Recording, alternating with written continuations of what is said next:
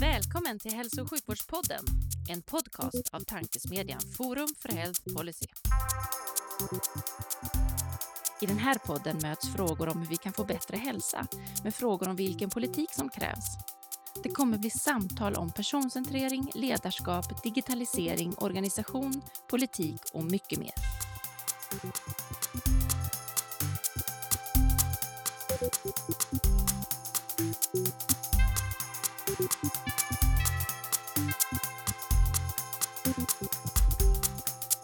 Hej och välkomna till ännu ett avsnitt av Hälso och sjukvårdspodden, tankesmedjan Forum för Health Policies podcast där vi diskuterar de stora frågorna inom hälso och sjukvården med initierade personer från densamma.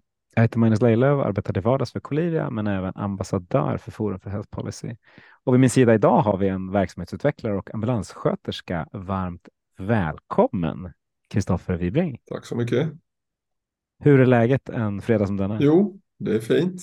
Det ska bli skönt med lite helger. Ja, det inte så dumt. Nej, det är hektiska veckor nu för tiden. Nu för tiden också känns det som ibland. Ja, det, det har nog accelererat ett snäpp till den här hösten känns det så.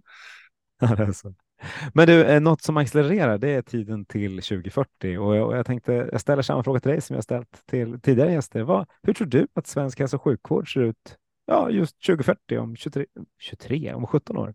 Jag tänker att vi har en eh, sjukvård som har flyttat ut eh, mer från sjukhusen och bedrivs i större utsträckning i hemmen och med vårdcentralerna som, som bas. Eh, att man har en ökad kapacitet där, både i termer av volym men också i vilken typ av, av vård man kanske kan bedriva där. Eh, att det blir kommun och primärvård, men också mobila närvårdssjukteam, alltså sjukhusets personal som faktiskt är hos patienterna, fast utanför sjukhuset, som eh, bedriver eh, en större del av vården än, än idag. Och att eh, AI och digitala beslutsstöd eh, ger möjlighet att ge mer eh, individanpassad, eh, personanpassad vård eh, utifrån den enskilda patientens eh, förutsättningar och, och, och, riskfaktorer. Så att man får ett eh, mer individuellt an, eh, anpassat omhändertagande istället för standardiserat för gruppen som helhet så att säga. Så att man i större utsträckning kan ta hänsyn till ålder och kön och sjukdomshistorik och symptombild och så vidare. Och att man kan få bättre, bättre stöd i, och, och fatta beslut kring patientens vård och behandling. Det tror jag att vi kommer ha på plats i större utsträckning 2040 än vad vi har idag. Vi håller tummarna för det. Tror du, tror du vi kommer ha ungefär samma linje? För du sa att det kommer utgå från primärvården och kommunen. Liksom är det, eh, eh, när du och jag blir patienter, kommer vi att ta hand om lika mycket av vår hälsa själva eller kommer det att flyttas, ansvaret flyttas längre eller, eller kortare från vården?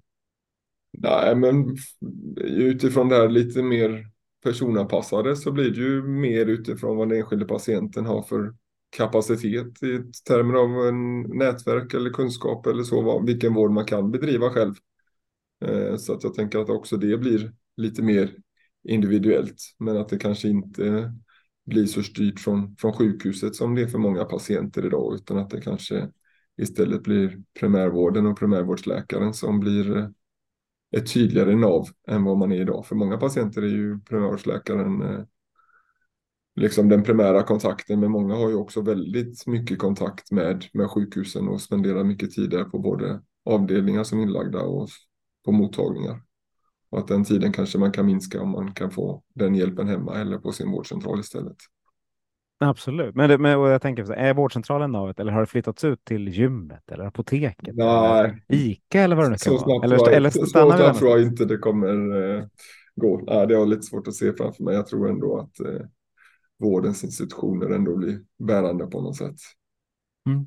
Ja, man, vi, vi pratar om att flytta ut vård och det tycker jag är helt rimligt, men vi flyttar den till primärvård. Det är liksom, vi vill inte gå riktigt längre än så. Nej, och jag är inte säker på att alla patienter eller så många patienter vill det heller. Alltså det är klart att man, många vill göra det man kan själva, men många patienter känner ju också en stor trygghet och tillit till vården och tycker att det är väldigt skönt att kunna lämna över på vården, att känna att det här är utanför mitt område, men jag är i trygga händer, att, att vården kommer hjälpa mig med detta. Och det, det, tror jag inte man ska jobba allt för mycket för att arbeta bort, för det tror jag uppskattas av, av många, att man känner att, att det är, är möjligt att få hjälp att lämna över när man inte riktigt känner att kapaciteten finns där själv. Det är väl då vården ska ta vid, tänker jag.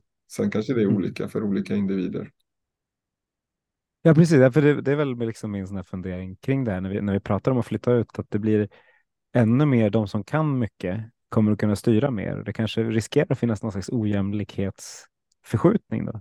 Ja, det tror jag absolut. För så, det, så ser man ju redan idag tyvärr att vården är ojämlik utifrån vad man har för utbildningsnivå och så vidare. Liksom att det, det påverkar vilken vård man får och det är väl ökad risk för det. Men då tänker jag att förhoppningsvis vården har bättre system för att kompensera för det med beslutsstöd som kanske tar hänsyn till eh, socioekonomisk bakgrund eller bostadsort eller utbildningsnivå. För många av de sakerna predicerar ju hälsa och risk för sjukdom och så vidare också. Så att man kanske i större utsträckning från vården ska ta in det i, i, i sin bedömning av patienterna och, och då kanske försäkra sig. Men det finns eh, risken för att, du har, klarar av, att inte du klarar av att hantera det här själv eh, är lite större för dig än för en annan patient.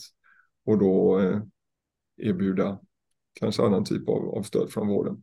Så det handlar inte bara om vilket läkemedel man ska få som man kan eh, riskpredicera så att säga, utan kanske vilka insatser som behövs från vården eller kommun och kommunal omsorg också.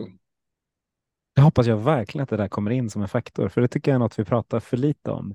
Vi pratar mycket om hur, vi ska lägga makt hos patienten, men vi riskerar med, med det att liksom få den där ojämlikheten att öka. Så det är en jättebra poäng. Eh, för, för lyssnarnas skull tänkte jag att jag ska introducera dig också. Och, och eller ja, jag tycker det är oftast enklast att du introducerar dig. Så Kristoffer, kan du inte berätta, vem är du och vad har du gjort för att hamna där du är nu? Ja, jag är eh, sjuksköterska i grunden sen eh, vad det nu blir, 14 år tillbaka eller något sånt. Eh, började tämligen omgående på ambulansen, jobbade som ett år, ett år som sjuksköterska på sjukhus och sen på ambulansen. Eh, och sen så blev jag lite sugen på att börja forska efter några år. Så då har jag gjort det på deltid och kombinerat min, min kliniska verksamhet då i ambulansen med, eh, med eh, doktorandstudier och, och disputerade för eh, två år sedan här snart.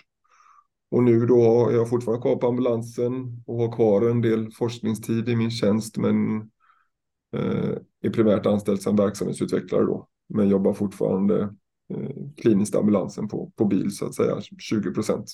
Så lite tredelat jobb där med forskning, klinisk ambulans och, och verksamhetsutveckling. Kul! Det låter som en, en väldigt rolig tjänst att få kombinera dem, ja, de sakerna. det är klockrent på många sätt. Dels så tycker jag det är väldigt kul att väva in de här olika perspektiven som man får med sig kring vilken fråga eller fenomen den rör sig om. Så har man liksom sitt administrativa perspektiv man ska säga då som verksamhetsutvecklare och sen har man ju en tät kontakt med chefer och ledningsgrupp och, och får deras perspektiv på en fråga. Och sen är man ute i ambulansen och jobbar med kollegorna på, på golvet om man ska säga så eh, och får deras perspektiv. Och sen så har man liksom forskarnätverk och så vidare och hur de ser på, på en fråga. Eh, ofta får man ju har man väldigt olika syn på det här och jag slås ju väldigt ofta av att det inte är någon som har rätt eller fel utan att alla har rätt på olika sätt och så gäller det att försöka få ihop det där till en helhet som, som funkar framåt. Men att det inte handlar så mycket om att försöka argumentera över att du har fel och jag har rätt och de fattar ingenting och de förstår inte det. Så enkelt är det sällan inte, utan ofta har ju tyvärr alla rätt samtidigt och det är det som gör det lite komplext. Men jag tycker det är väldigt kul att fånga in de perspektiven. Jag tycker också att alla delarna berikar varandra. Forskningen eh, är ju inte relevant, tänker jag, om den inte har en tydlig klinisk koppling och liksom någon förväntan om att det någon gång i framtiden ska påverka vården och att man då sysslar med frågor som är relevanta för vården. Och som verksamhetsutvecklare så ger du jättemycket i att få förståelse för vilka problem som behöver hanteras och, och hur saker och ting eh, kan tänkas funka i praktiken.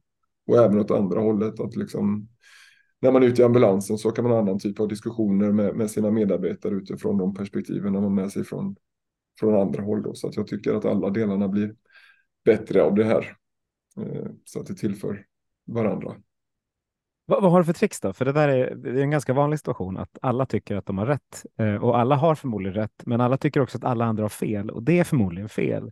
Hur, hur, hur ser du till att försöka brygga det där då, för att, för att faktiskt få, få folk att förstå och liksom, det blir en slags ledar, ledarstil? Ja, men det är väl lite mission impossible eh, känns det på sätt och vis tyvärr. Men jag, alltså min typ av tjänst, att, eh, att jag har den uppdelad på det sättet, det ser jag ju som en, liksom en, en framgångsväg. Sen kan ju inte alla jobba så såklart, men att ändå hitta de här naturliga övergångarna mellan de här olika sektorerna, och så kalla, att det finns personer som över tid rör sig mellan dem och, och kan föra med sig olika perspektiv fram och tillbaka. Eh, det tror jag mycket på. Eh, att försöka få Bra. till det.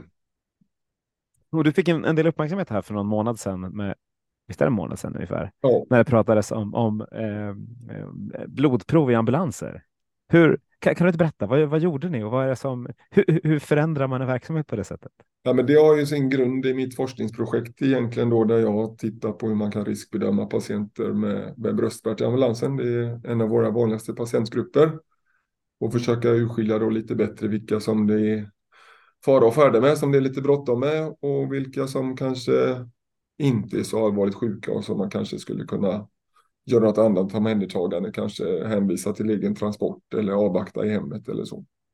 Eh, och då är, har vi det här med, med troponinen och blodprov som är väldigt stark prediktor för huruvida man har en hjärtinfarkt eller inte. Som man alltid tar på alla patienter som kommer till sjukhuset med, med ont i bröstet. Eh, det är liksom hörnsten i diagnostiken för patienter med bröstsmärta och, och hjärtinfarkt. Då. Eh, och det, i samband med detta då så började vi ta det här provet i ambulansen. Så vi tog ett provrör och tog med det in till sjukhuset. Eh, så att man analyserade eh, inne på labb på sjukhuset då.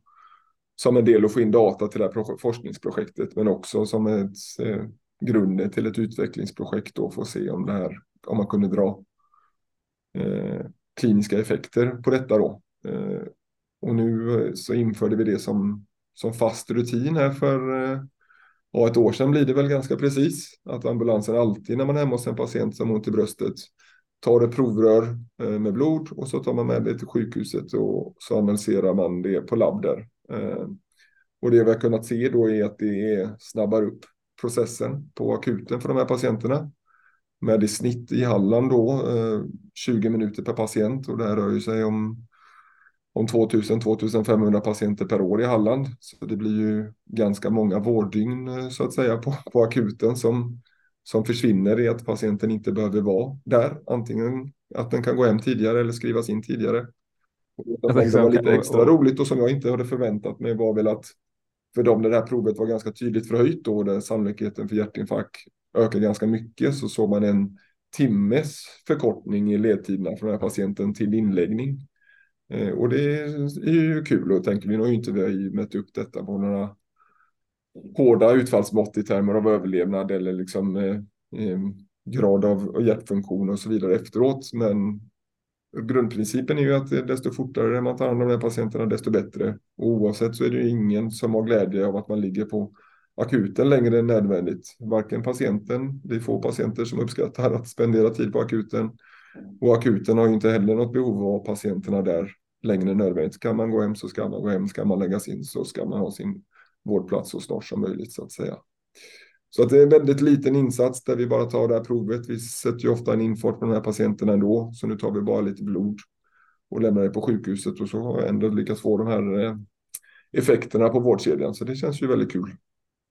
Ja, precis. För, för, det är klart, för systemet är det fantastiskt att minska vårddygn, men för just individen är det ju, just den här överlevnaden är ju en ren bonus, att om det går ju snabbare desto bättre. Eh, att det görs just i Halland förvånar ju ingen eftersom, ja, men, nej, men eftersom ni faktiskt ligger i framkant i väldigt mycket vad det gäller att testa olika saker. Ni testar rätt mycket AI-modeller på, på just hjärtpatienter också. Är det något ni försöker kombinera? Eller hur, hur, hur Marcus Lengman berättade om att liksom ni egentligen hade koll på vilka patienter som kommer att komma in, men inte riktigt kan använda det än. Har ni, börjar ni närma er att kunna göra det?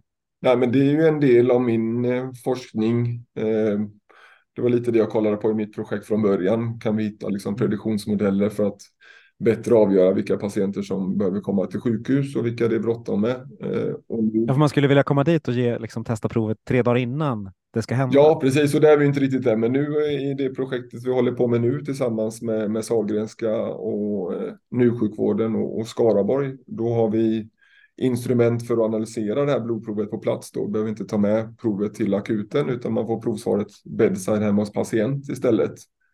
Eh, och så ska vi se då, skulle man kunna fatta beslut på det, eh, påverka vårdkedjan, processen redan med start hemma hos patienten då, att vi kan hitta patienter som kanske kan vara kvar hemma eller kanske sätta sig i en taxi eller sjukresa eller att de absolut ska ha blåljus med ambulans in och man kanske inte ska till akuten, man kanske ska direkt till HIA eller förbi det vanliga sjukhuset och direkt till ett sjukhus med PCI och liksom direkt från ambulansen kunna styra i större utsträckning än man gör idag, eh, vårdkedjan för de här patienterna. Så det är ju steg två i detta. Och det låter ju helt rimligt. Alltså, om testet är tillräckligt snabbt så låter det som någonting som verkligen kommer att underlätta processen. Hur, hur kommer det att försvåra att vara ambulansförare? Ja, men det, det, jobbet i ambulansen blir ju väldigt mycket mer komplext ganska fort kan man säga. Jo. Eh, för de som har jobbat längre än jag så har det ju varit en extrem utvecklingskurva liksom när man Alltså det är ju inte, vi pratar ju ändå inte stenålder när, när taxi och ambulans i princip var samma sak och bedrivs av samma verksamhet och med samma personal. Det var bara olika fordon. Eh, och sen så gick man liksom lite mer till bli en, en renodlad vårdverksamhet på det sättet. Men fokus var fortfarande transport. Det man mätte var hur många kilometer man körde. Och det man gjorde det var att ta patienten till sjukhus med ganska begränsad vård och framförallt begränsad bedömning i ambulansen till att idag eh, vara jättemångfacetterat. Eh, sökmönstren har ju förändrats på ett helt annat sätt. Eh, så att det är inte så att man bara ringer för de här superdupertraumorna liksom, utan det är en väldigt bred palett av patienter som, som kommer i kontakt med ambulanssjukvården och vi kan göra saker för patienter idag som vi inte kunde göra någonting för för några decennier sedan och då var det ingen idé att ringa ambulans för det. Men idag så kanske det finns. Så det inte, handlar ju inte bara om att man ringer i, för grejer som kanske inte hade behövts utan det handlar ju om att fler typer av patienter faktiskt kan ha nytta av att det kommer en ambulans idag i termer av smärtlindring eller att initiera snabbspår så att man kommer direkt rätt i vården med detsamma. Men det ställer jättestora krav på personalen när man dels då vår liksom primära profession är ju ändå att liksom ta hand om de akut kritiskt sjuka, liksom trafikolyckor, hjärtinfarkt, eh, trauman av olika slag. Liksom. Där måste vi vara bäst. Eh, det, där finns det ju liksom inte utrymme för, för misstag i någon större utsträckning. Men samtidigt har vi det andra spektrat med patienter som där vi mer eller mer vårdkoordinerar och ringer vårdcentralen och bokar tid. Eller vi hör av oss till hemsjukvården eller hemtjänsten och ser om de kan komma till patienten och titta till den extra gång under kvällen. Och så lägger man på då, då blir det väldigt svåra bedömningar och försöka hitta vilka de patienterna är. Och så lägger man på mer teknik och utrustning, typ de här instrumenten då för att analysera prover och så ska man ta ställning till hur man ska värdera det provsvaret. Så att det blir jättekomplext och liksom psykiatriperspektivet på det här liksom, eh, mm. det är ju inte en försumbar del av patienterna som har psykiatriska besvär idag och då ska det den kompetensen och kring hur de ska tas vägen och nätverka med, med psykiatrins öppenvård så att säga och mot slutenvården där och vilken patient som ska vara och när vilka mottagningar är öppna. Så att det är ett superkomplext jobb nu för tiden. Ja, det har väl mm. alltid varit, men det går tydligt åt att det blir det mer och mer. Och det låter som ett jobb som borde kunna få ganska mycket hjälp av beslutsstöd och jag gissar på att ni har en del hjälp. Hur, hur, hur långt tycker du att liksom, automatiserade beslutsstöd har kommit för ambulanssjukvården? Ja, men jag, just utifrån att det är så här superkomplext och jättedivergerat så, så ser jag ju att beslutsstöd är ja, och det är inte rimligt att liksom förvänta sig av en enskild individ att kunna hantera allt det här på ett optimalt sätt. Eh, men tyvärr så har vi kommit jättekort när det gäller automatiserade beslutsstöd. Det finns ju en del forskning på en del bra modeller som tycks funka ganska bra. Men mig veterligen är ju ingen implementerade i, i klinisk verksamhet utan vi är ju kvar på Alltså det är inte papper och penna i den termen att det faktiskt finns på en digital skärm eller kanske en mobiltelefon. Men i grunden handlar det ju bara om att du räknar ihop 1, 2, 3 och 4 och har du mer än 3 poäng så, så är du allvarligt sjuk. Men det är, inga, det är inga beräkningar mer än så som ligger bakom. Ofta tar man inte hänsyn till kända prediktorer som ålder till exempel. Att ont i bröstet och var 75 år är farligare än vad ont i bröstet och vara 20 år. Sen kan man båda vara akut sjuka. Men sannolikheten är ju, skiljer sig åt väldigt mycket. Men våra beslutsstöd hanterar inte idag, det idag. Så att där finns liksom en extrem utvecklingspotential i att med hyfsat enkla, enkla medel ändå eh, bli väldigt mycket bättre. Och detsamma gäller ju egentligen för larmcentralen innan ambulansen har fått uppdraget att göra en adekvat bedömning där. Vem behöver ambulans och hur fort behöver man den? De beslutsstöden eh, finns det också väldigt mycket att jobba med för att göra dem eh, bättre och mer träffsäkra. Vi samlar in all den här informationen idag. Bara att vi eh, bearbetar inte någonting så att liksom, problemet är inte att vi behöver ta in massa mer information. Vi behöver kanske bara ta in den lite mer strukturerat och framförallt låta en dator processa informationen och ge oss stöd i hur vi ska hantera den. Ja, men precis. Och sen blir det ju svårt, för när man väl, även om man skulle ta all information som finns idag och, och strukturera den och ge ett bra beslutsstöd så är det ändå liksom tuffa beslut att ta. Eh, och man måste veta när systemet inte gissar rätt. Ansvarsfrågan är, tycker jag, den som känns som så nyckeln i att eh, våga släppa på ett bra AI-system, för systemen finns där ute. Ja, men så är det väl och det är därför delvis jag tror att det går långsamt för att många känner instinktivt att man inte riktigt vill det där. Jag litar inte på datorn eller hur ska jag förhålla mig till det och vems fel är det om det blir fel? Och det är ju såklart en jätteviktig diskussion och jag har väl inga svar där men samtidigt jag tänker vi har fullt med beslutsstöd som vi använder idag i termer av triageverktyg och så vidare som vi litar på och förhåller oss till och anpassar vården efter fast vi vet att de är ganska dåliga. Om vi då har någonting som vi vet är ganska bra så borde man väl våga använda det också. Verkligen. det, och det, det är precis det som är grejen, men det är just den här självkörande bilar-tanken. Liksom. Vem bär ansvaret? Och att det blir, ju mer man lämnar över i något som det finns någon form av blackbox i, ju läskigare blir det. Ja, ja absolut. Och där eh, ska man ju såklart ha respekt för patienten på något sätt, liksom i, i vad den tycker och tänker kring detta. Men samtidigt så finns det ju kanske hos allmänheten liten övertro kring sjukvården och den enskilde läkaren eller sjuksköterskans förmåga. Liksom. Eh, en del är kanske överdrivet skeptiska, men en del kanske tror att sjukvården aldrig gör fel och det läkaren säger är alltid rätt. Eh, så är det inte riktigt heller. Eh, och det är ju kanske det man ska ha med sig och jämföra med. Det är väl ett stort problem med vården överlag tycker jag. Att man liksom, det är klart man ska ha ambitionen att ha ett felfritt och helt säkert system. Eh, dit kan man väl sikta, men det är inte realistiskt att ha det som en, en faktisk förväntad målbild. Vi gör ju fel i vården jätteofta. Det är ju bara att kolla på antalet vårdskador och så vidare. Det är ju, det är ju jätteproblematiskt så att säga, men det är ju det man ska jämföra med. Inte mm. jämföra med en perfekt värld, utan går det att få det bättre än vad vi har det idag? Men det känns inte riktigt med. Vi vågar inte riktigt använda den här metoden, för då vet vi att vi kommer missa en procent av patienterna. Ja, det vet vi, men idag så vet vi inte riktigt hur många vi missar, men sannolikt så kanske vi missar två eller tre procent av patienterna. Bara att vi har det inte svart på vitt och då, då är det okej. Okay. Men om man liksom gjort en, en forskningsstudie på det, liksom har statistik på att arbetar vi på det här sättet, då vet vi att vi kommer göra fel så här många procent av fallen. Då blir, det blir väldigt läskigt såklart att fatta det beslutet. Att vi ska göra någonting som vi vet blir fel så här ofta.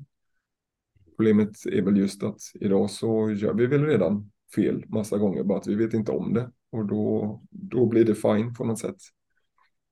Ja, precis. Nej, men för om man tänker 1177 när man ringer och blir hänvisad till vården, att man ska åka in liksom 9 gånger 10 eftersom det alltid finns någon slags differentialdiagnos som skulle kunna vara farlig.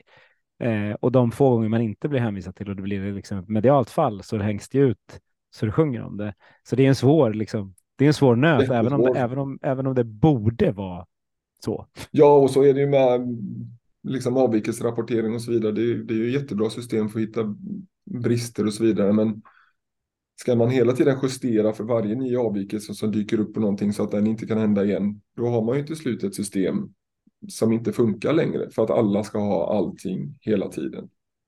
Mm. Ambulanssjukvården idag, om vi tar Halland, vi skiljer oss inte åt så mycket mot någon annan region.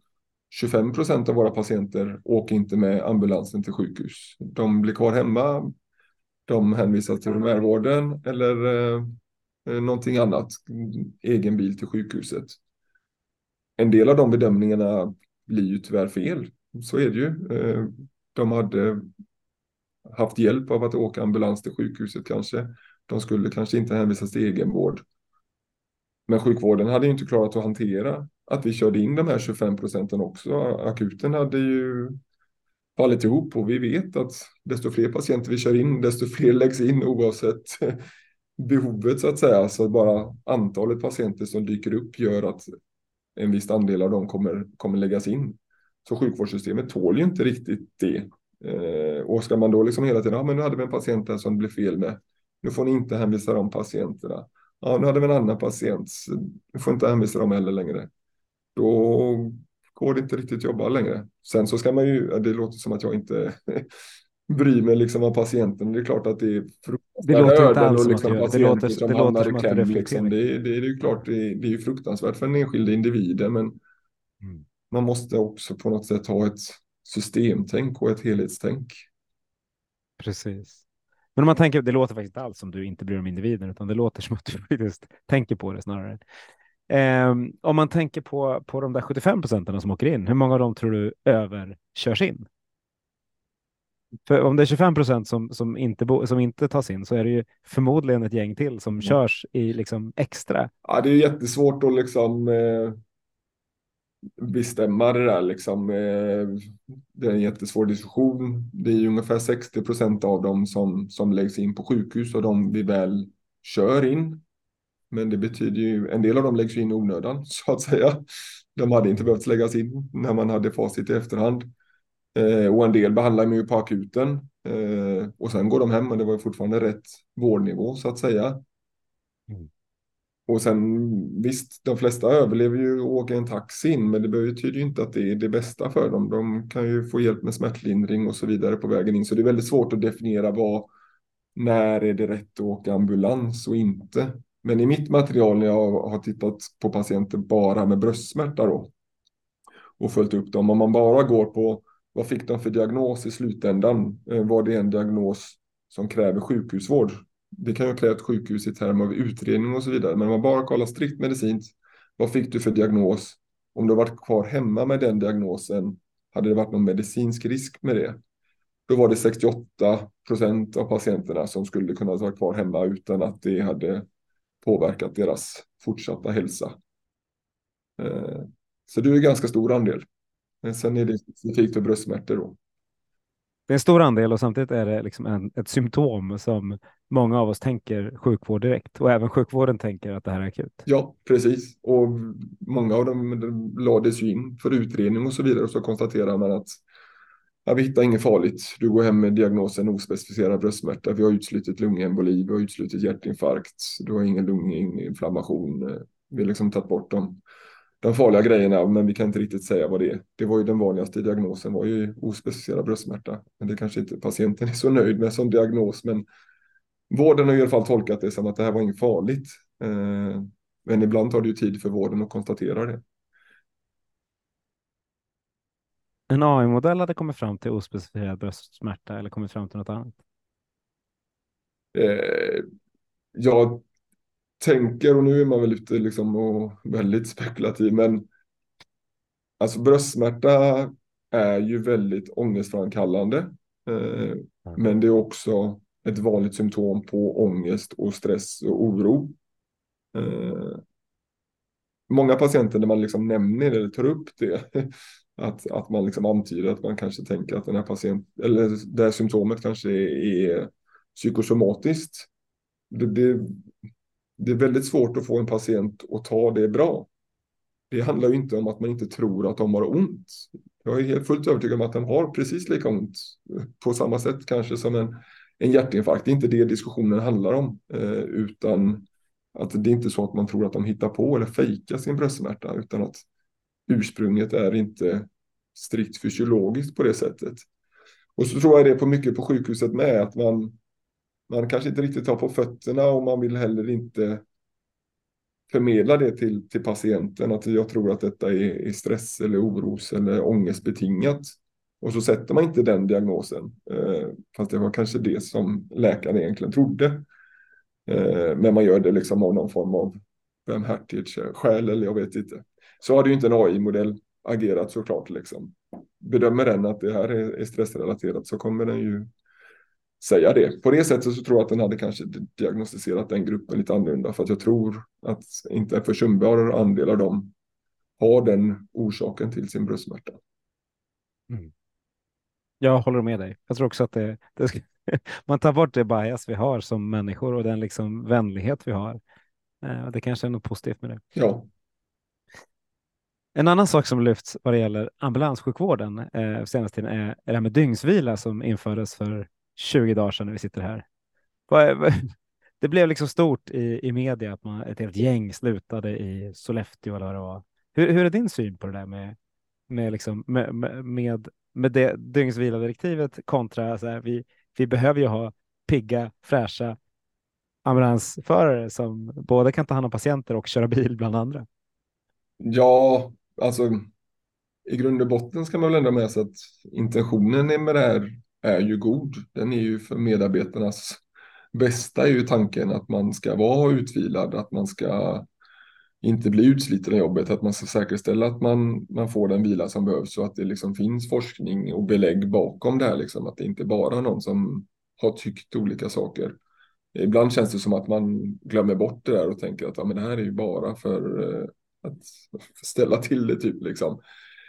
Sen så blir det också svårt, tycker jag, när man inför någonting rakt av för alla. Ambulanssjukvården på många områden, den skiljer sig också jättemycket. Alltså är du på en eh, satellitstation i Norrlands inland där du kanske snittar på ett uppdrag per dygn, ja, då är det ganska rimligt. Du orkar jobba både ett och två dygn i sträck liksom.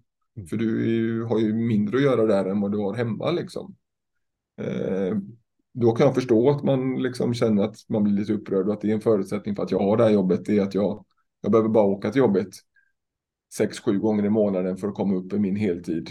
Och nu måste jag åka det dubbla och då kan jag inte ha 10 eller 15 mil till jobbet för att det går liksom inte ihop sig. Så det, det måste man ju ha respekt för att det här ställer till det väldigt mycket för folk. Och även när man är då lite mer tät och befolkade områden, om man då tar Halland som exempel. Visst, vi har dagar när vi har fullt upp och man sitter i ambulansen från, från morgon till kväll. Men då ändå hela tiden naturliga pauser i att man ändå varierar sitt arbete. Man kör ena biten, sitter bak ena biten. Ofta blir det en liten paus på akuten medan man ska lämna patienter och så vidare. På ett annat sätt än det kanske är på en vårdavdelning. Där du jobbar konstant i åtta timmar. Telefonen ringer hela tiden. Det är ett evigt stresspåslag liksom. Då har man ju olika behov av vila mellan passen såklart. Så det, det blir väl lite trubbigt när man bara bestämmer nu ska alla göra likadant. Och jag har full förståelse för att det ställer till det för många medarbetare och det ställer till det för väldigt många verksamheter också. Jag var på nätverksmöte nu i, i veckan här med lite andra ambulansverksamheter och alla har ju jobbat och slitit något fruktansvärt med att få nya scheman på plats och säkerställa att man har personal när folk slutar och inte vill vara kvar och så vidare. Så att det, det har ju vållat väldigt mycket bekymmer, eh, även fast intentionerna och, och tanken är, är god. Sen så blir det väl ofta så här med förändringar och inte minst när det gäller schema som kanske är det liksom heligaste av allt, där liksom gränsen mellan privatliv och yrkesliv verkligen blir skarp. Att det vållar känslor och man har anpassat sitt liv efter en tillvaro och sen ändras den och då blir det rörigt. Men vi, vi slutade med dygnspass i Halland för vad det nu är, 15 år sedan kanske. Det var inga glada miner bland medarbetarna då. Hur ska jag få upp min tillvaro? Det här funkar inte och vilken idiot har bestämt det här liksom. Nu är det ingen som längtar tillbaka till dygnen direkt liksom. Det håller inte och, och nu är det så pass mycket att göra på ambulansen. Vi har inte beredskap på det sättet som man hade förr. Så nu är det liksom ingen som, som tycker det är rimligt att, att jobba 24 timmar i sträck men 12 timmar tycker ju många fortfarande är, är mänskligt. Sen har vi andra som tycker det här är kanon. Äntligen kan jag få ihop tillvaron. Nu kan jag ju faktiskt hämta på förskolan någon gång ibland. För att jag börjar klockan halv sju och går hem klockan halv två. Så även fast jag får timmar, två timmars övertid så kommer jag hinna hämta mitt barn från, från, från förskolan. Eh, så att för en del har det ju såklart blivit kanonbra och, och hjälpt till. Men eh, mycket jobb har det blivit för många i alla fall. Ja, precis. Och det, man förstår, så förändring är ju en sak. Sen blir det lite så när piloter strejkar, att man, man känner så jo, fast det här är ju för, är ju för, för, att det ska vara pigga, fräscha personer på kanske ett av de viktigaste yrkena, det vill säga där det alltid är, när det väl gäller så är det så behöver man ju vara skarp. Ja, och liksom ibland får man, man ska inte raljera, men ibland går ju liksom verkligen diskussionen åt andra hållet. Man har så oerhört mycket att göra och man hinner aldrig äta eller fika eller sitta ner liksom. Att det, det är tungt och stressigt på jobbet. Vilket det såklart är. Det, jag menar inte att det inte är sant. Men det blir också kort, konstigt att samtidigt säga att det är inga problem. Jag kan jobba 12 eller 13 eller 24 timmar. Eh, ja, de, det, det lirar inte riktigt fullt ut alltid. Men återigen, ibland är båda sakerna sant. Ja, men liksom, och jag, och jag förstår båda sidor. Det är verkligen inte så. Det, det var med, det mest att det, nu är det ett aktuellt ämne. Då är det kul att lyfta det. det... Ja, nej, det är högaktuellt och det är något som verkligen eh, påverkar verksamheterna från, från golvet upp till toppen så att säga. Ja, men exakt. Men nu har du har jobbat ett antal år nu som ambulanssköterska. Vad är de stora skillnaderna? Eh, förutom att det har kommit fler prylar i ambulansen, men liksom, hur har det utvecklats jobbet? Och att man inte får köra dygn då? Nej, men det, eh, på den tiden som jag har jobbat så har det ändå blivit väldigt mycket mer, om vad man får kalla det, vårdkoordinering. Liksom. Det, det är inte så att sjukhuset är den givna destinationen i alla lägen, utan man försöker hitta andra lösningar för patienten. Är det här någonting primärvården kan hantera? Är det något patienten kan hantera själv med anhöriga? Kan anhöriga kanske köra in patienten? Alltså det, det är väldigt mycket mer den typen av beslut idag än vad det var för 10-15 eh, år sedan. Och också har eh, antalet uppdrag gått upp så att det är mer att göra. Det är ganska stor skillnad bara på 10-15 år. Eh, så att det är väl de två grejerna framför allt. Man hade ju hoppats att du skulle svara något om digitalisering eller så. Nej. Det är ingen, det är ingen teknik som har gjort det annorlunda. Nej, inte, inte så sånt. Alltså det är klart att det kommer lite små förbättringar hela tiden, men, men Halland där jag jobbar, vi har ändå alltid varit ganska framåt när det gäller teknik och det, det digitala, liksom med digitala ambulansjournal i, i, i bilarna så länge jag har jobbat och redan på den tiden hade vi någon typ av motsvarighet till, till handdator där man faktiskt kunde arbeta med journalen inne hos patienten. Eh, men det finns ju många verksamheter idag som inte har det. Man har bara papper och penna. Och sen får man sätta sig vid datorn när man kommer fram till sjukhuset och skriva sin journal. Eh, så det är ju väldigt spretigt i vården och ambulansen är inget undantag liksom i vart man befinner sig. Vi opererar in liksom avancerade små superchip som löser massa coola grejer i kroppen. Och så skickar vi fax om samma patient på samma dag liksom. Och ambulansen måste vara liksom det optimala stället att ha någon slags tal till text, det vill säga när ni bara pratar i ambulansen så skapas det en journalanteckning. Mm. Hur, hur, har ni kommit dit? Är ni på väg? Ja, jag, jag, jag, hade kontakt med några eh, studenter från Chalmers som gjorde sitt projektarbete just kring det. Eh, de hade nog mer ingången liksom taligenkänning och att man då skulle diktera som ambulanspersonal aktivt i journalen. Det har jag lite svårt att se att det skulle bli bra, för du sitter med patienten bredvid och ska prata med den. Eh, det blir väldigt konstigt att sitta och, och, och göra ett diktat samtidigt. Eh, utan jag ser ju framför mig en, en mycket smartare som utifrån den dialogen jag har med min kollega och med patienten snappar upp ja, det är det här som ska in i journalen och så har man en, eh, en färdigskriven journal man kommer fram som man kanske bara behöver läsa igenom och, och justera lite grann och så är det klart. Eh, så den tanken finns ju uppenbarligen bland de som håller på med sånt, men eh, den är ju inte. Jag har inte hört någon som liksom har någonting som är i närheten av en, en färdig produkt för ambulansen, men det hade ju varit klockrent. Man är ju, vi är ju väldigt få händer som ska göra väldigt mycket och man har dessutom en patient som man både vill och patienten förväntar sig att man ska rikta sin uppmärksamhet mot den. Och att då samtidigt sitta och skriva och stirra in i en skärm, det är ju inte optimalt. Så kunde man slippa det lite grann och, och ha en dator som fattade vad som skulle skrivas i journalen i alla fall så hade det ju varit kanon. Framförallt kunde mottagaränden ha informationen när ni kommer in Ja, i ännu större utsträckning. ja precis. Det har vi ju idag i viss mån. Ju... Men återigen, Halland är rätt långt framåt där. Men vi har ju automatisk överföring till, till akuten av vår journal. Så när vi kommer fram med, med patienten så, så finns journalen inne i akutliggaren eh, där. Om ni, om ni har hunnit skriva. Om hunnit skriva. Ja, ofta har man i alla fall hunnit skriva det grundläggande eller i alla fall fått in eh, personnummer och traverseringsfärg och lite vitalparametrar. Sen kanske man inte har skrivit den löpande texten. Men Precis. det, det fanns ju inte när jag började så det, då skrev vi ut ett papper varje gång vi kom till akuten. Så det hände grejer. Men du ser, det händer grejer. Mm. Men om jag då tänker för en del av det är att här, eh, det borde bli någon slags automatgenererad journal som av, baserat på dialogen man har också. Men det man också kan göra då är, är någon slags förbättringsarbete baserat på hur ni konverserar i ambulansen. Skulle man som ambulansförare vilja ha det? Att det, liksom, det övervakas det man gör för att man ska kunna göra det bättre? Ja, Jag tänker ju att man vill det, men det där är också superkänsligt. Vart liksom den här gränsen mellan feedback och, och övervakning så att säga. En del, vi följer upp en del grejer när det gäller följsamhet till rutiner och arbetssätt och så liksom. Eh, I syfte att det ska bli bättre för patienten så att såklart att vi forskningen säger att om du agerar på det här sättet så blir det bättre för patienten. Eh, och så mäter man hur ofta gör vi den åtgärden. Eh, i, i, som liksom ett kvalitetsmått på att vi, vi bedriver bra eller dålig vård då. Men många medarbetare ser ju det där som en, eh, en jakt, liksom. man är ute efter att, sätta dit den och, och leta fel och brister hos den enskilde medarbetaren. När det är ju egentligen inte alls syftet sen. Så det är klart, hittar man medarbetare där man ser att ja, men här finns det ju potential att, att, göra bättre. eh, Så vill man ju agera på det i, och, liksom, och stödja det. Men det, det är känsligt det där att ge sig in och, och peta i hur folk bedriver sitt jobb och komma med feedback på det. Ja, det är känsligt och samtidigt är det ju eh, så här.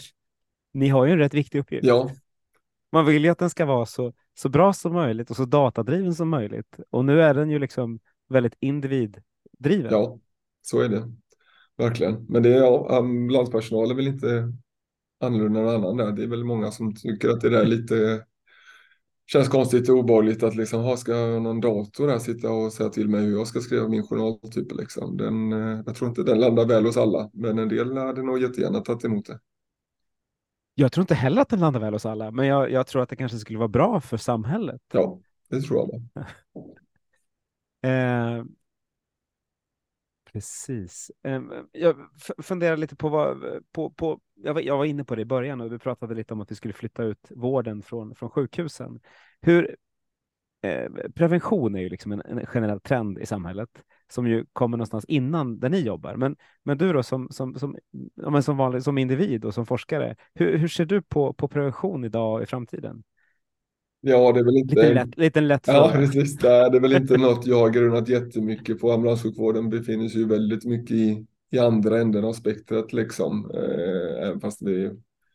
Men jag tänker att mycket av det ni gör handlar om att folk inte har förebyggt. Ja, jo men verkligen. Så, så är det inte så att man, man skulle, ja men du, det här hade du kunnat lösa om du bara gjort det här och det här. Så att vi hade kunnat fokusera på de här istället. Jo, så är det ju. Och vad man klassiska liksom jämförelsen med liksom vägsäkerhetsarbetet och hur långt man har kommit där. Om man liksom jämför de kollegorna som jobbade länge där man alltid åkte på svåra trafikolyckor. Det var jättevanligt att man hade omkomna i trafiken till idag när det är väldigt sällsynt och liksom vägar och bilar är supersäkra. Och, men liksom kurvan för eh, antalet suicid per år händer det inte så jättemycket med. Och liksom man tänker att det går det inte att få till en bättre prevention där. Så att det, det är klart att det, det, man vill att det ska bli bättre på många områden där, men alltså från ambulansperspektivet så visst, man, man möts ju ofta av det och man kan bli frustrerad över patienter. Varför,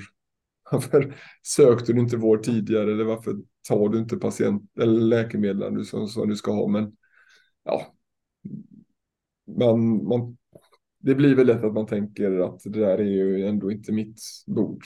På något sätt det är mitt jobb att komma och hjälpa till när, det, när man inte har lyckats med prevention. Men det är klart att det, vi hade ju haft jättemycket mindre att göra om vi var lite bättre på att jobba preventivt. Och det hade väl eh, varit bra om man kunde lagt resurserna där. Ofta är det väl så att det är, mer invester liksom, det är bättre att investera pengarna före än efter så att säga. Ja, Ja, men absolut, både vad det gäller pengarna och vad det gäller lidandet. Nu förstår jag, du kan ju inte så döma dem du kommer till. Det var inte riktigt så jag tänkte. Jag insåg att frågan lät så när jag sa det. Men jag tänkte snarare, kan man lära sig någonting och få systemet att, liksom, eh, att ta hand om, om vissa typer av individer tidigare? Ni jobbar ju rätt datadrivet ändå i, i Halland. Det hade varit kul om man liksom kunde, kunde se till att här, två år innan hjärtinfarkten komma ut med preventiva insatser för att man förstår att något är på väg hända.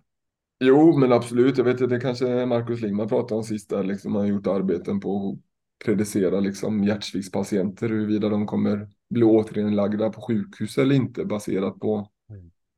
extremt mycket data och massa variabler som man tänker inte skulle spela roll. Och det är klart att den informationen finns väl jättemycket att hämta i, i ambulansdata också kring saker som hade kunnat förebyggas. Eh, men eh, ja, jag, jag vet inte riktigt hur vi skulle nå dit, men det är klart att att ambulanssjukvården måste sitta på information och, och data som, som skulle kunna göra att man kan identifiera patienter som det inte gick så bra för på ett eller annat sätt och hitta saker som hade kunnat predicera det för att man inte skulle behöva hamna där. Vi, vi hoppas att vi har någon bra lyssnare som får ihop den här modellen. Det, jag, jag, tror också, jag tror att det finns där. Det, vi måste bara få ihop Ja, och ambulansen är ju...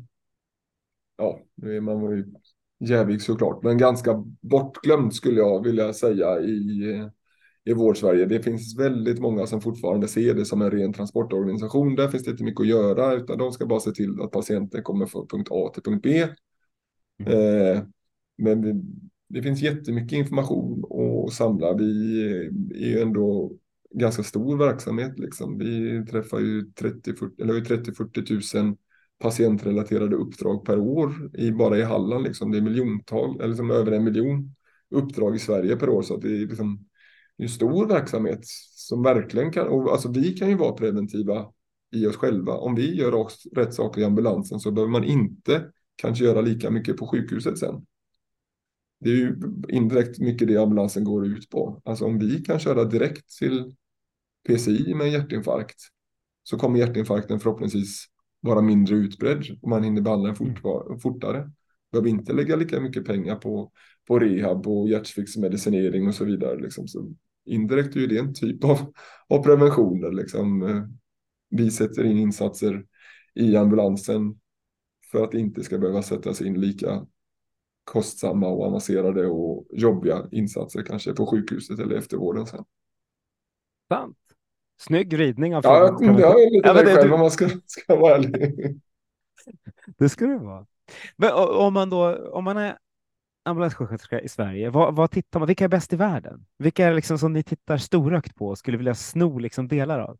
Ja, men det är supersvårt att jämföra för att det är det så olika hur ambulanssjukvården är organiserad. Där man liksom i Sverige och Nederländerna har sjuksköterskor i ambulanserna. Många länder har ju paramedics då som har, har en egen utbildning och en paramedic. Det är liksom ingen skyddad titel som jag förstått det varierar mellan olika länder så en del har ganska basic utbildning. En del har flera års universitetsstudier mot bara ambulanssjukvård. En del länder har jättehög läkartäthet så att det är nästan alltid en läkare med i bilen. Eh, en del har i princip ja, inte allmänheten är jag på att säga, men man har väldigt grundläggande utbildning och så har man några färre resurser då med lite mer eh, välutbildad personal som har mer resurser. Så det är väldigt svårt att liksom jämföra eh, hur man, eh, alltså liksom vad som är bra eller dåligt. Man har valt att bygga upp och organisera det på så olika sätt. Men jag har varit i, i Storbritannien en del, eh, eller England om man ska vara specifik på en del eh, konferenser där. Och ja, de ligger väl före på en del grejer. Men framförallt så, det som händer där, det kommer till, till Sverige ett tag senare. Liksom alla trender när det gäller liksom uppdragsfördelning och hur liksom eh, därmed också uppdraget för ambulanssjukvården förändras. Det, det har de redan haft fem, tio år innan liksom. Och jag jag bävar lite inför det, liksom med de här bilderna som kommer liksom från England när ambulansen står i ett kö i en, två timmar, tre timmar in till akuten för att få lämna sin patient på akutmottagningen. Man har skiftbyte eh, i bilkön in till akuten för att sjukhuset inte har kapacitet att ta emot patienten. Om det fortsätter slå in så är det det vi har i Sverige om några år och det är ju inte bra. Så att man har ju lite, det, det, är väl inget föredöme kan man väl säga då, men det är ändå, de ligger före oss i utvecklingen på det sättet att eh, det där skulle kunna vara i Sverige om några år. Mm. Eller decennier kanske. Det är inte riktigt den bilden man vill se framåt. Nej, precis. Men samtidigt har de ju då såklart jobbar de ju stenhårt med att hitta lösningar på det här och hantera det. Och har man tur kan man liksom implementera dem i Sverige innan vi har fått problemet och mota Olle Grind. Mm. Ja, verkligen. Shit. Och tittar man på grannlandet Norge så har de en liten annan setup där det finns en primärvårdsläkare med i, i, liksom, i ambulansen ofta. Ja, Om jag, jag beskri beskrivet för mig det. Men de har väl, eh, den är väl statlig, eh, hela sjukvården, inklusive ambulanssjukvården. Sen har man ju lite annan geografi där, så man jobbar väl med helikoptrar på något sätt. Och sen så har de ju väldigt aktivt med, ja min norska är ju inte jättebra då, men lejevakter kallar man väl det då. Eh, dit ambulansen i princip alltid kör först. Man kommer inte så ofta direkt in till en akutmottagning. Och det är ju indirekt ett sätt att förebygga och hantera det som man har i Storbritannien idag då, liksom att, att få till en sållning av patienterna och se till att man hamnar eh, på en lagom vårdnivå från början. Eh, sen om det är bättre eller inte i Sverige, men eh, det vågar jag inte uttala. uttala. Det, det är inte jag heller. Men, ja, men exakt, för de hade primärvårdsläkaren liksom navet som du åker till och så bedöms man vad man ska skickas oh, till någonstans. Precis. Hur, om du tänker att man bara, ponera att vi, vi för över det till Sverige, hur, hur skulle liksom, skulle, hur tror du det skulle påverka? Om du istället för att åka till sjukhus direkt åkte till en, liksom, en, en primärvårdsenhet som, som slussade åt olika håll. Ja, men på sätt och vis känns det ju väldigt ineffektivt att, liksom, att ha ett mellanled sådär. Det man vill ju in är ju kunna fatta det beslutet i ambulansen och det är ju det vi redan har börjat göra idag i större utsträckning. Och jag tänker att man kan komma mycket längre med det. Man kanske kan ha mm. videostöd och en eh, kommunikation med läkaren där. Den vägen, liksom, vad, vad tänker du blir bli bra med detta? Men återigen också med beslutsstöd som, som ger det stödet istället för att behöva åka till en fysisk plats och träffa en fysisk människa så kanske man kan fatta det beslutet utan att ta med patienten på vägen. Eh, det hade varit men det så gör vi en del idag. Liksom, vi har ju för många patienter så tar man ju kontakt med primärvårdsläkare eller primärvårdsjour och diskuterar. Är det här en lämplig patient för, för vårdcentralen? Har ni någon möjlighet att ta emot idag? Kan vi boka in en tid imorgon? Eller vårdcentralen kanske kan, kan ringa upp.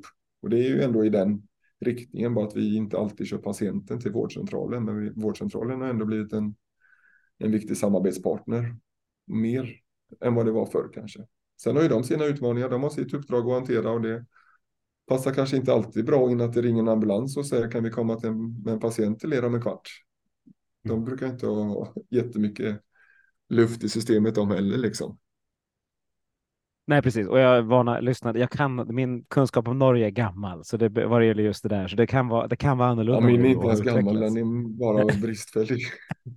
Exakt. Men, så, precis, det är en blind som leder inte över den här konversationen, så vi kanske ska ta oss vidare. Men, men det jag funderade på, hur, eh, för, det, för mig känns det som, vi pratar om primärvården som nyckel hela tiden att det ska bli en, en nära vård som vi ska ta oss till. Då är ju liksom möjligheten för primärvården att kunna ta hand om en patient som ni kommer med är ju kritisk. Ja. För annars blir det att man skickar till sjukhuset oavsett. Hur, finns, det liksom, finns det tillräcklig luft i det systemet? Och har ni tillräcklig access? Nej, skulle jag säga. Dels så det varierar ju mellan olika vårdcentraler såklart, men eh, nej, det finns ju inte mycket luft i systemet för dem. De är, är ju fullbokade och visst, de har ju sitt akutuppdrag i att kunna ta emot de patienterna som, som har primärvårdsbehov på någon form av, av kort varsel. Men för många vårdcentraler är det ju väldigt svårt att hantera. De är känsliga också. Alltså det räcker ju med en, att en läkare är sjuk en dag. Då har man absolut inte möjlighet att ta emot någon extra patient. Då har man ju antagligen lagt flera timmar på att ringa och boka av patienter som redan var inbokade. Eh, och åtkomsten, det är också jätte, en del vårdcentraler inga problem det är alltid någon som svarar. Det är lätt att ha en dialog och man försöker lösa situationer tillsammans. En del är det jättesvårt att få tag i någon och svaret blir ofta ni får köra patienten till akuten, vi har inte tid. Så det varierar väldigt mycket. Och alltså, man ska inte klandra vårdcentralerna och primärvården för det känner jag. På något sätt måste ju också resurserna förflytta sig. Man kan inte bara säga att ni ska göra massa mer vård, ni ska öka er kapacitet, ni ska öka er förmåga att göra mer avancerad vård. Då måste man ju, om man ska flytta pengar från, eller vård från sjukhusen ut i primärvården så måste man ju också förflytta resurser. Och akuten säger ju samma sak, men vi har massa patienter, det här är, det här är vårdcentralspatienter, de ska inte komma till oss. Nej, är ni beredda att, att flytta de här miljonerna från akutens budget till vårdcentralen så att de kan ha en, en jourläkarlinje som är obokad varje dag och kan ta emot de här patienterna? Det är inte givet, eh, såklart, för de har, kämpar ju också för att hålla näsan över vattnet på något sätt. Men det är lätt att ställa krav, men man måste också ge förutsättningarna för att lyckas eh, i sitt uppdrag på något sätt. Hade en sån sak ur ditt perspektiv varit bättre om vården var statlig? Ja, alltså, ja, det är ju en uh, het diskussion i alla fall. Jag att det är minerad liksom. Jag, alltså, det, det känns som att det är att förenkla saker och ting och tro att det är liksom ja. den styrmodellen som, som skulle förbättra saker och ting. Jag kan ju uppleva, jag är ju en del av det liksom med byråkratin och administrationen i vården, att liksom det är rätt tungrot. Det tar lång tid mellan idé till beslut. Det ska förankras högt på tjänstemannanivå på massa olika nivåer och sen ska det förankras på politisk nivå, kanske på flera nivåer, även inom politiken. Liksom. Jag har ju svårt att se att det skulle bli effektivare av att man lyfter upp det en nivå till. Eh, Mm. Sen finns det säkert jättestora fördelar med det för ambulanssjukvården som har pratat om det här kanske längre än vad, vad man har gjort aktivt i för övriga sjukvården. Så på sätt och vis är vi små om man ska köpa in ambulanser till en verksamhet. Det är inte jättemånga fordon åt gången man köper in. En del leverantörer kanske inte är så intresserade av att vara med eh, i ett anbudsförfarande för man tycker inte värt det.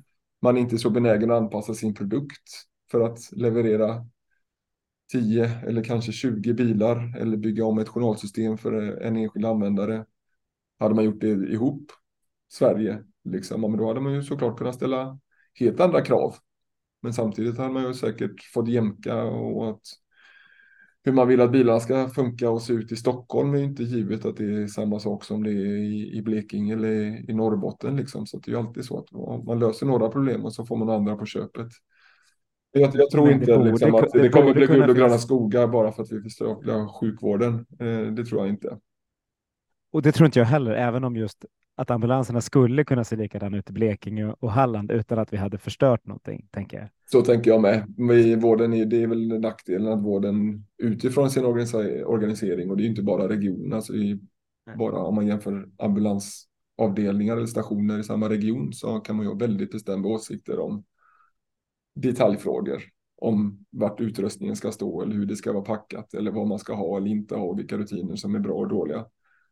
Eh, och det ska alltid skruvas på och anpassas efter någon lokal anpassning för den ena regionen. Så vi kan inte göra likadant, så vi har det så här på, i, i vår region. På gott och ont. Vi jobbar, vi jobbar kunskapsstyrt, vilket är jättebra, men kunskapen styrs från Varberg eller Halmstad. Ja, precis. Ja, jag förstår. Det är väldigt trevligt och roligt och inspirerande samtal eh, och jag inser att jag har hur många frågor som helst. Men nu har vi suttit och pratat i ungefär en timme.